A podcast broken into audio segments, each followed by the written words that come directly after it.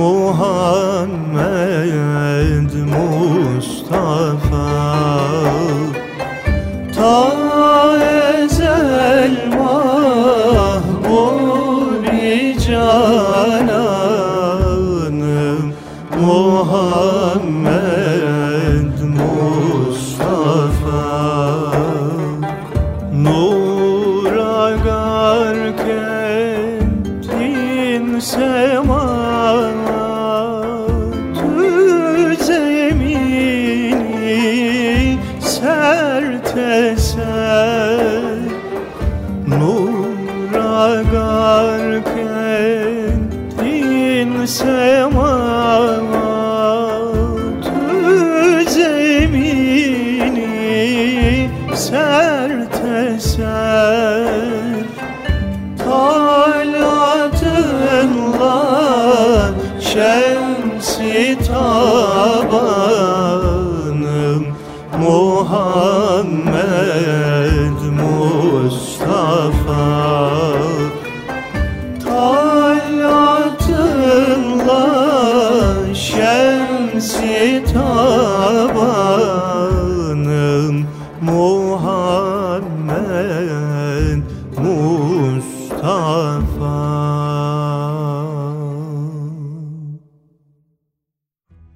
Evet değerli dinleyenlerimiz, Behlül'ü bilen var bilmeyen var. Sizlere Harun Reşid'in bu meczup görünüşlü Allah dostundan söz etmek istiyorum. Bilindiği gibi geçmiş büyükler yanlarında hep bir nasihatçı taşır, onun ikaz ve irşadından hep istifade etmeyi düşünürlerdi. Başkalarının söyleyemediklerini rahatça söyleyebilen bu meczup rolündeki ikazcılar, bilhassa sultanları, makam ve mevki sahiplerini yanlışlarından dolayı tenkit eder, irşatta bulunurlardı.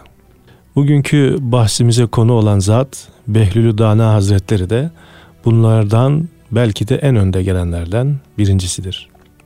Bir rivayete göre Harun Reşid'in akrabası, bir başka rivayete göre ise Küfeli olup Bağdat'a bir vesile ile gelen, sonra da halifenin gösterdiği yakınlık üzerine ayrılamayarak Bağdat'ta vefat edinceye kadar kalıp Dicle kenarındaki Şunuziye kabristanına defnedilen bu deli görünüşlü akıllı zat insanları güldürerek yola getirmeyi denemiş, tebessüm ettirirken de düşündürmeyi tercih etmiştir. İşte şimdi onun hikayeyi hayatından, bu menkıbelerinden bugün sizlere bahsedeceğim. Bir gün evine giren hırsızlar nesi var nesi yok alıp gitmişler Behlül Dana'nın. Herkes hırsız ararken Behlül doğruca kabristana gidip oturarak beklemeye başlamış. Görenler şaşkınlık içinde sormuşlar. Evini soydular. Sen burada bekliyorsun. O gayet emin bir şekilde cevap vermiş. Nasıl olsa buraya gelecekler hiç merak etmeyin demiş. Böylece hırsızları da onlara kızanları da düşündürmek istemiş.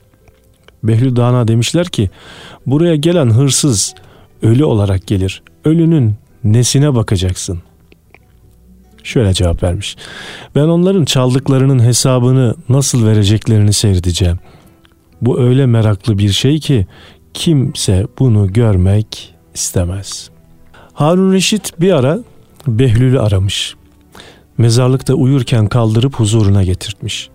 Behlül Dana halifeye sitem etmiş. Neden beni uyandırıp da getirdiniz? Ne güzeldi halim. Rüyamda padişah olmuştum. Tahtımda azametle oturuyordum. Harun Reşit gülmüş. Ey Behlül, uykudaki padişahlıktan ne olacak? O da bir şey mi sanki? Behlül Dana hemen cevap vermiş. Ne fark eder ey Harun? Ben gözlerimi açınca padişahlıktan düştüm. Sen ise kapayınca düşeceksin. Fark yok ki. Harun Reşit tasdik makamında başını sallar ve düşünceye dalar. Efendim bir eser dinleyelim. Yine hikayelerimiz, ibretlik hadiselerimiz anlatmaya gayret edelim.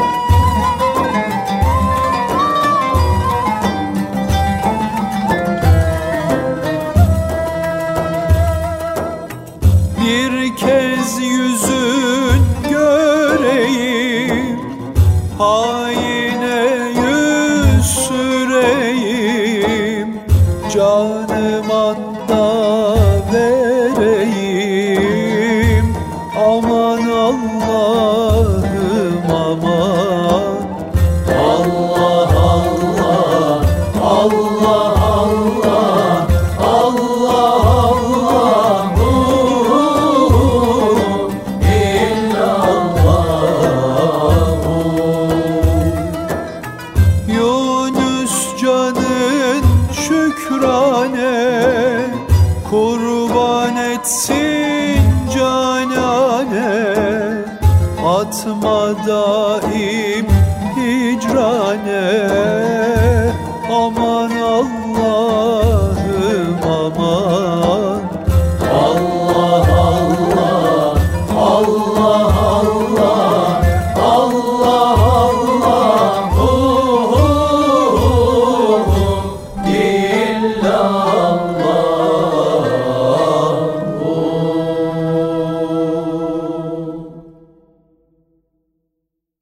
Evet değerli dinleyenlerimiz bu güzel eserden sonra tekrar birlikteyiz. Birinin oğlu vefat etmişti. Behlül'e sordu. Mezar taşına ne yazdırayım? Şöyle cevap verdi Behlül Dana. Ey yolcu bana iyi bak. Benden ibret al. Dün altımda olan toprak bugün üstümde. Dün altımda büyüyen otlar bugün de üstümde yeşermekte. Bu toprak beni gizledi ama günahlarımı asla. Ben şimdi günahlarımla beraberim. Bir gün sarayın avlusunda rastladığı Behlül Dana'ya Harun Reşit sorar. Nereden geliyorsun ey Behlül? Beklemeden cevap verir. Cehennemden. Ne işin vardı cehennemde? Ateş almaya gitmiştim de. Hani ateşin yok elinde? Dediler ki burada ateş olmaz. Herkes ateşini kendisi getirir dünyadan. Behlül Dağ'ına tefekkürü çok sever, yalnızlık ister. Halife ise hep halkla, insanlarla birlikte olmak ister. Buna bir ders vermek isteyen Behlül bir gün sarayın tuvaletine girer. Söylenmeye başlar. Sesini duyanlar ne yapıyorsun diye sorarlar. Kuburdaki pisliklerle konuşuyorum der ve ilave eder. Pislikler diyorlar ki sakın insanların içine girmeyin. Sonra bizim gibi olursunuz.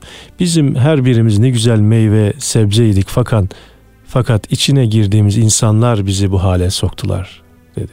Hazreti Behlül bir gün Harun Reşid'in taht odasını boş buldu ve çıkıp tahta oturuverdi. Bunu gören askerler onu kamçı ile dövmeye başladılar. Askerler vurdukça o vah Harun Reşid, vah Harun diyordu. O esnada halife geldi ve manzara karşısında donup kaldı. Askerleri uzaklaştırdıktan sonra ''Ey Behlül bu ne hal?'' diye sordu. Behlül ''Senin için ağlıyorum. Burada tahtı boş bulup bir an oturdum. Bu kadar kırbaç yedim.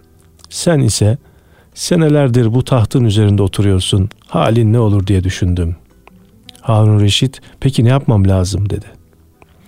Behlül madem ki bu yükün altına girdin zulme meyletme, adalet üzere ol, böylece tahtında otur buyurdu. Efendim bir eser dinleyelim, yine programımız devam etsin.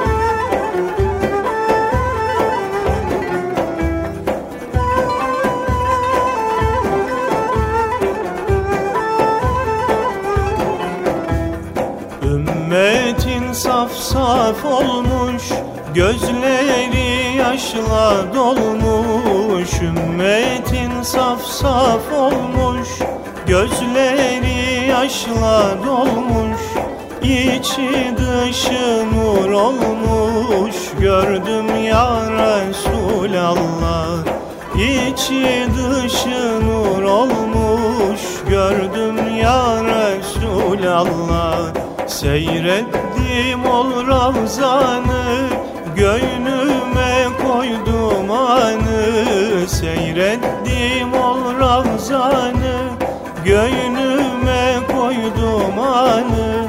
Anda tahkik imanı Buldum ya Resulallah. Anda tahkik imanı Buldum ya Resulallah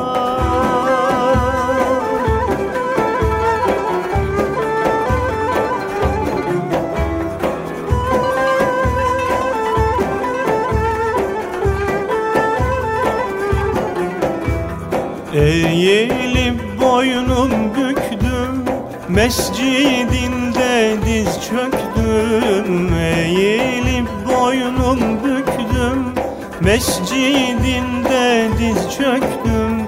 Gözümden yaşı döktüm Coştum ya Resulallah. Gözümden yaşı döktüm Coştum ya Resulallah Durdum seyrine daldım. Ravzana bakıp kaldım. Durdum seyrine daldım. Ravzana bakıp kaldım. Sonsuz feyizler aldım. Doldum ya Resulallah. Sonsuz feyizler aldım. Doldum ya Resulallah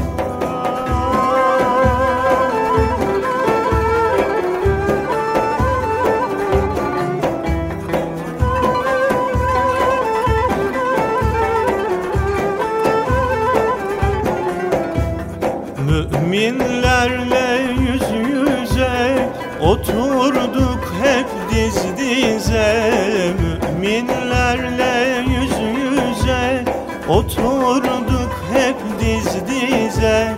Sen şefaat kıl bize Lütfen ya Resulallah. Sen şefaat kıl bize Lütfen ya Resulallah. Aşık maşuku buldu Gönlüm huzurla doldu Aşık maşuku buldu.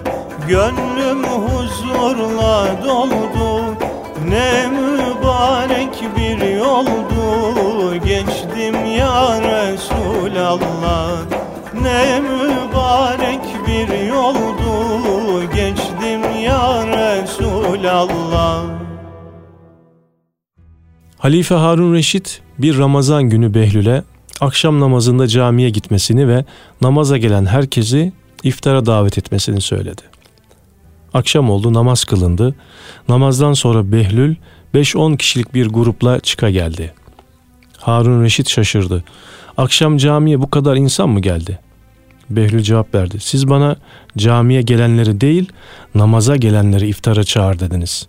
Namazdan sonra cami kapısında durdum. Çıkan herkese hocanın namaz kıldırırken hangi sureyi okuduğunu sordum.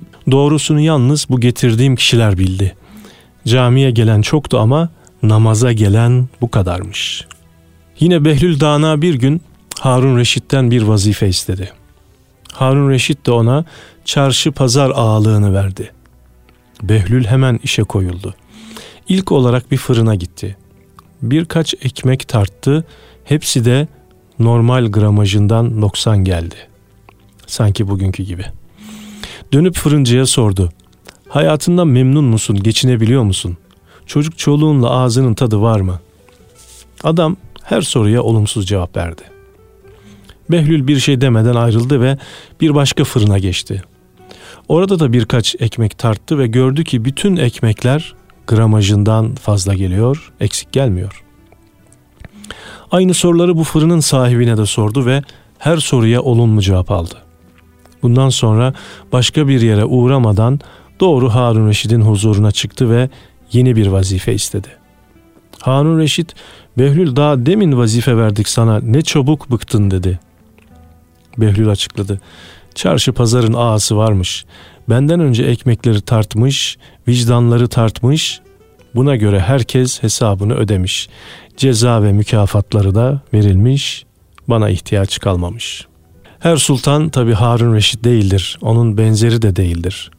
Sultanların yanında bulunanlar da her zaman Behlül Dana olmaz.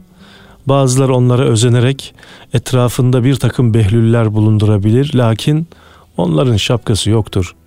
Dana bulmak her sultana nasip olmaz. İnşallah biz o sultanları buluruz. Evet Behlül Dana Hazretleri bir gün kumlarla, çerçöple ev köşk yapıyormuş. Gören oyun oynuyor zannedermiş. Harun Reşit yanından geçerken sorar. Ya Behlül ne yapıyorsun? Cennette evler, köşkler yapıyor satıyorum. Peki kaça satıyorsun? Bir altına. Harun Reşit bizim kardeşe yine bir şeyler olur diyerek ertesi günü Harun Reşit'in hanımını da görmüş. O da sormuş. Behlül ne yapıyorsun? Cennet için ev yapıyorum, satıyorum. Peki kaça satıyorsun? Bir altına. Peki al sana bir altın. Akşam Harun Reşit rüyasında cennette bir köşk görmüş. Güzel mi güzel, çok beğenmiş. Demiş ki bu köşk kimin? Hanımınızın demişler. Ertesi gün gördüğü rüyanın tesiriyle Behlül Dağı'na hazretlerini aramış. Bakmış aynı yerde yine kumlardan çer çöpten evler, köşkler yapıyor. Harun Reşit soruyor. Ne yapıyorsun? Cennette ev, köşk yapıyorum. Peki kaç para? Bin altın. E, dün bir altın diyordun. Bugün bin altına çıkarmışsın. Bunun sebebi ne? Efendim hanımınız dün görmeden bir altına aldı ama sen gördükten sonra istiyorsun. Onun için bin altın bile az. Görmeden inanmak önemlidir. Hani Bakara suresinin başında iyiler övülürken onlar gayba inanırlar buyuruluyor. Ve yine Bakara suresinde muttakiler Allah'a içten inanır ve güvenir, namazı tam kılar ve kendilerine verdiğimiz nimetleri yerli yerince harcarlar. Kalpten inanmak ne kadar güzel değil mi? Tüm samimi duygularla inanmak. Ne kadar güzel bizim için güzel şeyler düşünen insanların var olduğunu bilmek ve onlara inanmak. Var mı hala böyle güzel düşünen insanlar ya da böyle kalpten görmeden inananlar var mı? Her şey o kadar değişti ki insan değil arkadaşına, kendi ailesinden olana bile kalpten inanmakta zorlanır hale geldi. Psikolojik olarak çevremizde gördüğümüz, duyduğumuz olumlu veya olumsuz olan her şeyden çok çabuk etkileniyoruz. Bu da bizde kendi içimizdeki acaba duygusunu uyandırıyor. Bu yüzden kendi içimizde çelişkiye düşüyoruz zaman zaman. Her güzel bir yaklaşımın altında yine ne işi düştü de böyle dedi ya da kesin bir işi vardır şeklinde ön yargı yapıyoruz. Bu duyguyu içimizde büyütmek yerine karşımızdaki insanların samimiyetine inanmak ve onların bizim için düşündüklerine değer vermek daha doğru olur. Önce toplum olarak ayrım yapmadan biz birbirimize iyi gelmeliyiz. Hepimiz kardeşiz lafı türkülerde kalmamalı. Yaradanı ve neden yaratıldığımızı unutmamalıyız değerli dinleyenler. Bir eser dinleyelim ve programımız yine devam etsin inşallah.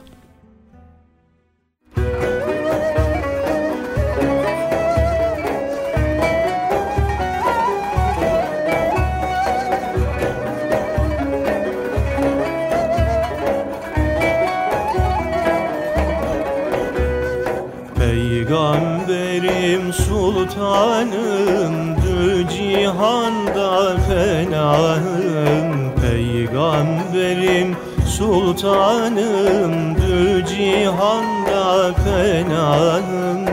Dilde olan fermanım La ilahe illallah. Dilde olan fermanım Muhammed Resulullah. Ruhumuzun safası Kalbimizin cilası. Ruhumuzun safası Kalbimizin cilası. Zikrullah'ın alası La ilahe illallah. Zikrullah'ın alası Muhammed Resulullah. İllallah, illallah La ilahe illallah. İllallah, illallah Muhammed Resulullah. İllallah, illallah La ilahe İllallah illallah Muhammed Resulullah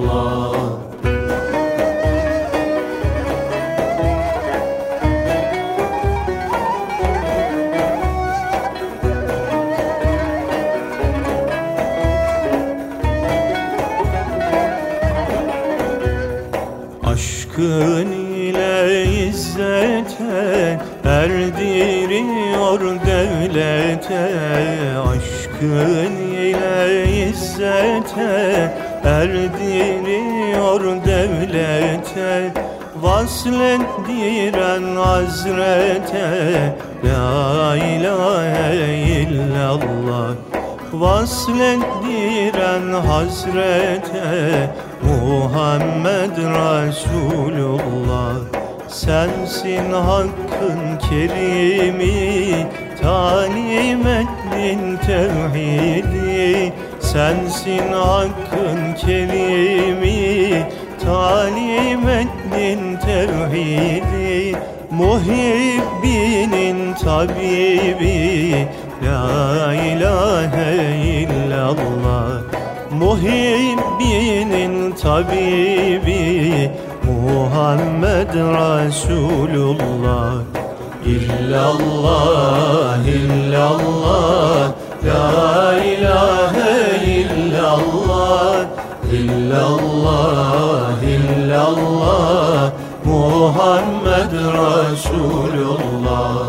illallah illallah La ilahe illallah.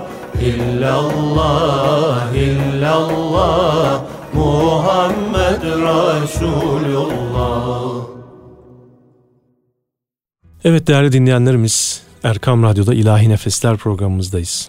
Behlül Dana Hazretlerinin menkıbelerinden sizlere anlatmaya, aktarmaya gayret ediyorum. Adamın birisi namaz kılmaz, diğer ibadetlerini yapmaz ama her gece yatarken Ya Rabbi bana cennetini ver diye dua ederdi. Bir gece aynı şekilde yattı. Geç vakitte damdan bir tıkırtı geldiğini hissederek uyandı. Hemen çıkıp kimsin orada ne arıyorsun dedi. Damda bulunan Behlül Dana idi ve de, devem kayboldu da onu arıyorum dedi. Ev sahibi kaybolan deve damda olması mümkün mü? Bu akılsızlık değil mi deyince senin hiç ibadet etmemen ve sonra da Allah Teala'dan cenneti istemen daha akılsızlık değil midir? buyurdu. Ev sahibi o zaman Behlül Dana'nın kendisine nasihat vermek için böyle yaptığını anladı. Hatasını anlayıp tevbe etti ve ibadetlerini aksatmadan yapmaya başladı. Harun Reşit sarayının bahçesindeki bir gül fidanını çok beğenir. Yaprağı, kokusu, görünüşüyle dikkatini çeken gülü özel bakıma alması için bahçıvana, bahçıvanına emir verir. Bahçıvan üzerine titremeye başlar gülün. Ne var ki sakınan göze çöp batar derler ya. Aynen öyle olur. Bir sabah bahçıvan gelip bakar ki gülün dalına konan bir bülbül ne kadar yaprak varsa hepsini gagalayarak yere düşürmüş. Tek yaprak bırakmamış. Gülün başında korku içinde koşar ve halifeye sultanım der. Üzerine titrediğimiz gülün yapraklarını bir bülbül gagalayarak yere dökmüş. Tek yaprak bırakmamış gülün başında. Harun Reşit telaş etmeden cevap verir. Üzülme efendi üzülme der. Bülbülün yaptığı yanına kalmaz. Rahat bir nefes alan bahçıvan işine döner. Bir gün bakar ki bir yılan yaprakları düşüren bülbülü yakalamış, yutmak üzere otların arasında kayıp gidiyor. Heyecanla yine halifeye gelir. Sultanım der. Bülbülü bir yılan yakalamış yutarken gördüm. Sultan yine telaşsız merak etme efendi der. Yılanın yaptığı da yanına kalmaz. Bahçıvan yine işine döner. Bir ara bahçede çalışırken otların arasında yılanı görür. Hemen elindeki küreğiyle darbe üstüne darbe indirerek yılanı oracıkta öldürür. Sevinçle geldiği halifeye durumu anlatır. Sultanım der. Bülbülü yakalayan yılanı ben de bahçede otlar arasında yakalayıp küreğimle öldürdüm. Bekle efendi bekle der halife. Senin de yaptığın yanına kalmaz. Nitekim çok geçmez bahçıvan hatalar yapar, yakalanıp halifenin huzuruna çıkarılır ve cezalandırılır. Halife emrini verir, atın bunu zindana. Hemen yaka paça zindana doğru götürülürken geriye dönen bahçıvan şunları söyler. Sultanım der. Bülbülün yaptığı yanına kalmaz dediniz. Onu yılan yuttu. Yılanın yaptığı yanına kalmaz dediniz. Onu da ben öldürdüm. Şimdi benim yaptığım da yanıma kalmıyor ancak sen beni zindana attırıyorsun tabi. Herkesin yaptığı yanına kalmıyor da senin kimi yanına kalacak? Demek sana da bir yapan çıkacak. Öyleyse gel sen bana yapma ki bir başkası da sana yapmasın. Harun Reşit doğru söyledin bahçıvan diyerek bırakın bahçıvanı çiçekleri sulamaya devam etsin der. Derler ki sultanımız yaptığı yanına kalır. Hayır der. Kimsenin yaptığı yanına kalmaz. En ağır şekilde ahirette ödemeye tehir edilir ama gafil insanlar bunun farkına varamaz da yaptığı yanına kar kalır sanırlar. Evet, kimsenin yaptığı yanına kalmaz, bunda hiç şüphemiz olmasın. Yarına kaldı sanılanlar daha ağırıyla ahirette ödemeye tehir edilirler. Ne var ki gafil insanlar bunun farkına varamaz da yaptığı yanına kar kaldı sanırlar. Efendim yine bir eser dinleyelim ve programımız devam etsin inşallah.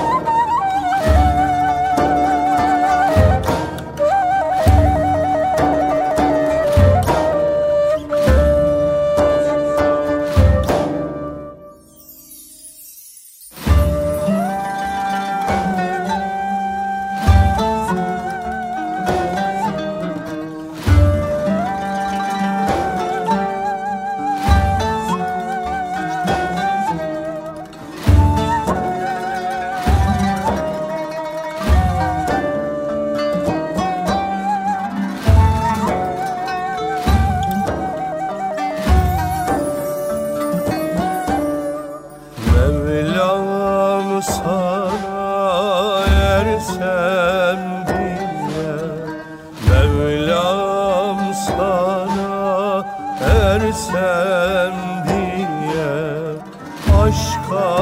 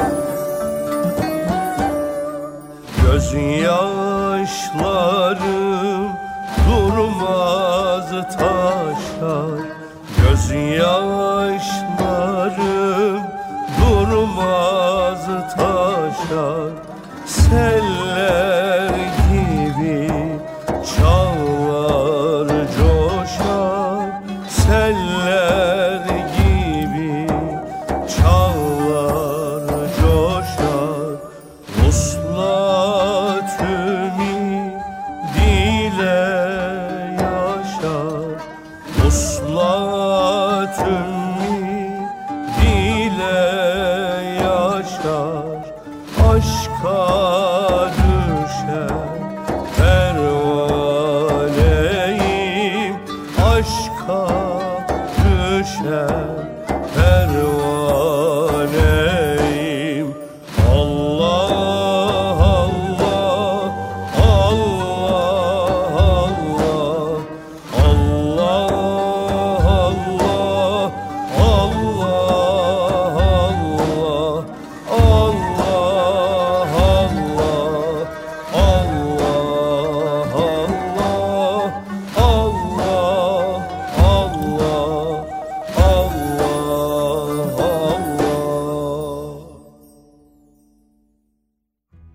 Evet değerli dostlar, değerli dinleyenlerim. İlahi Nefesler programımızda bugün Behlül Dana Hazretlerini misafir ettik. Yine ondan birkaç hikayeyle programımızı sona erdirelim inşallah. Behlül Dana bir gün Harun Reşid'e hitaben demiş ki, senin bu saltanatının değeri olsa olsa bir bardak sudur. Harun Reşid, Behlül'ün sözünü küçümseyerek demiş ki, sen aklını yitirmişsin yine. Ben şarkın en büyük padişahıyım. Benim saltanatım altında nice milletler, nice şehirler, nice göller ve denizler var. Behlül Dana Harun Reşid'e şu teklifte bulunmuş. Eğer dürüst olur da sorularıma doğru cevap verirsen ben sana bu sözümü ispat ederim.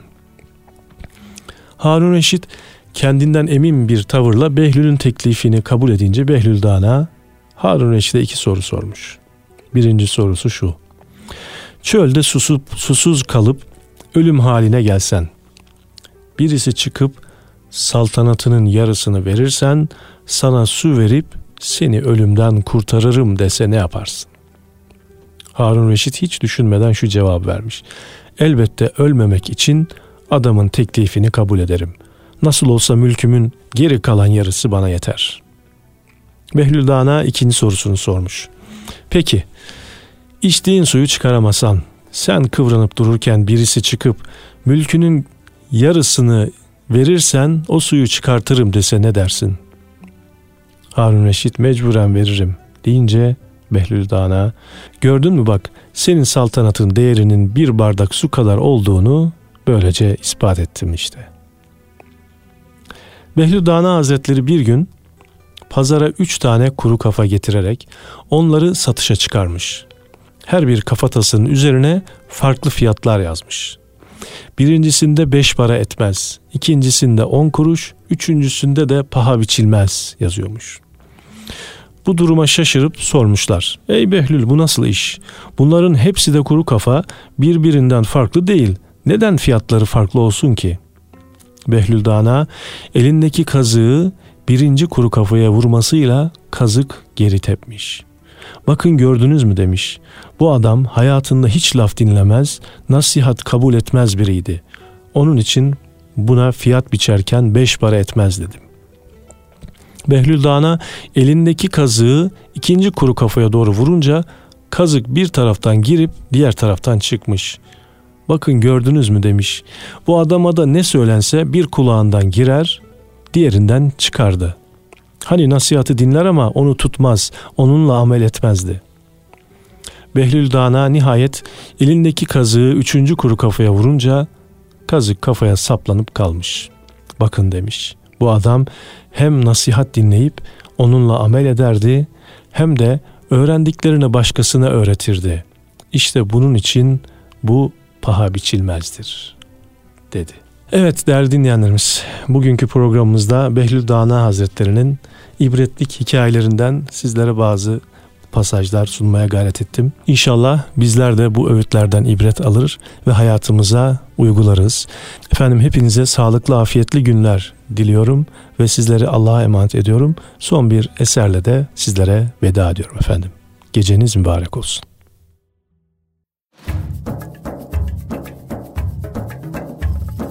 Hakkı seven aşıkların Hakkı seven aşıkların Eğlencesi tevhid olur. Eğlencesi tevhid olur. Aşk oduna yanıkların Aşk oduna yanıkların Eğlencesi tevhid olur Eğlencesi tevhid olur. Durmaz isim sürer dili. Durmaz isim sürer dili.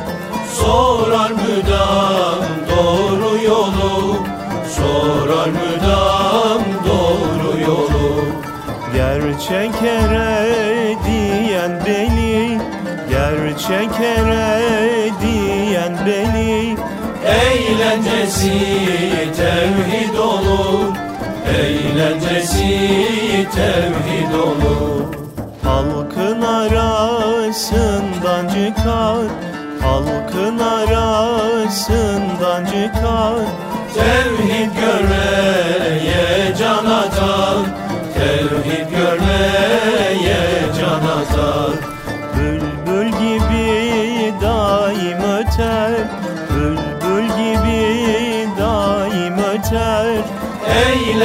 Eğlencesi tevhid olur Eğlencesi tevhid olur.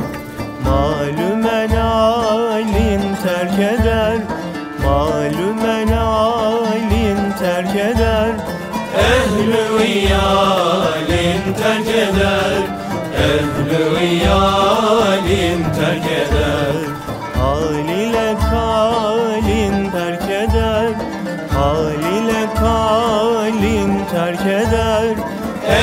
Eğlencesi tevhid olur. Eğlencesi tevhid olur. Dünya ve ukba perdesin. Dünya ve ukba perdesin. Ardına atar cümlesin. Ardına atar cümlesin. Korma siva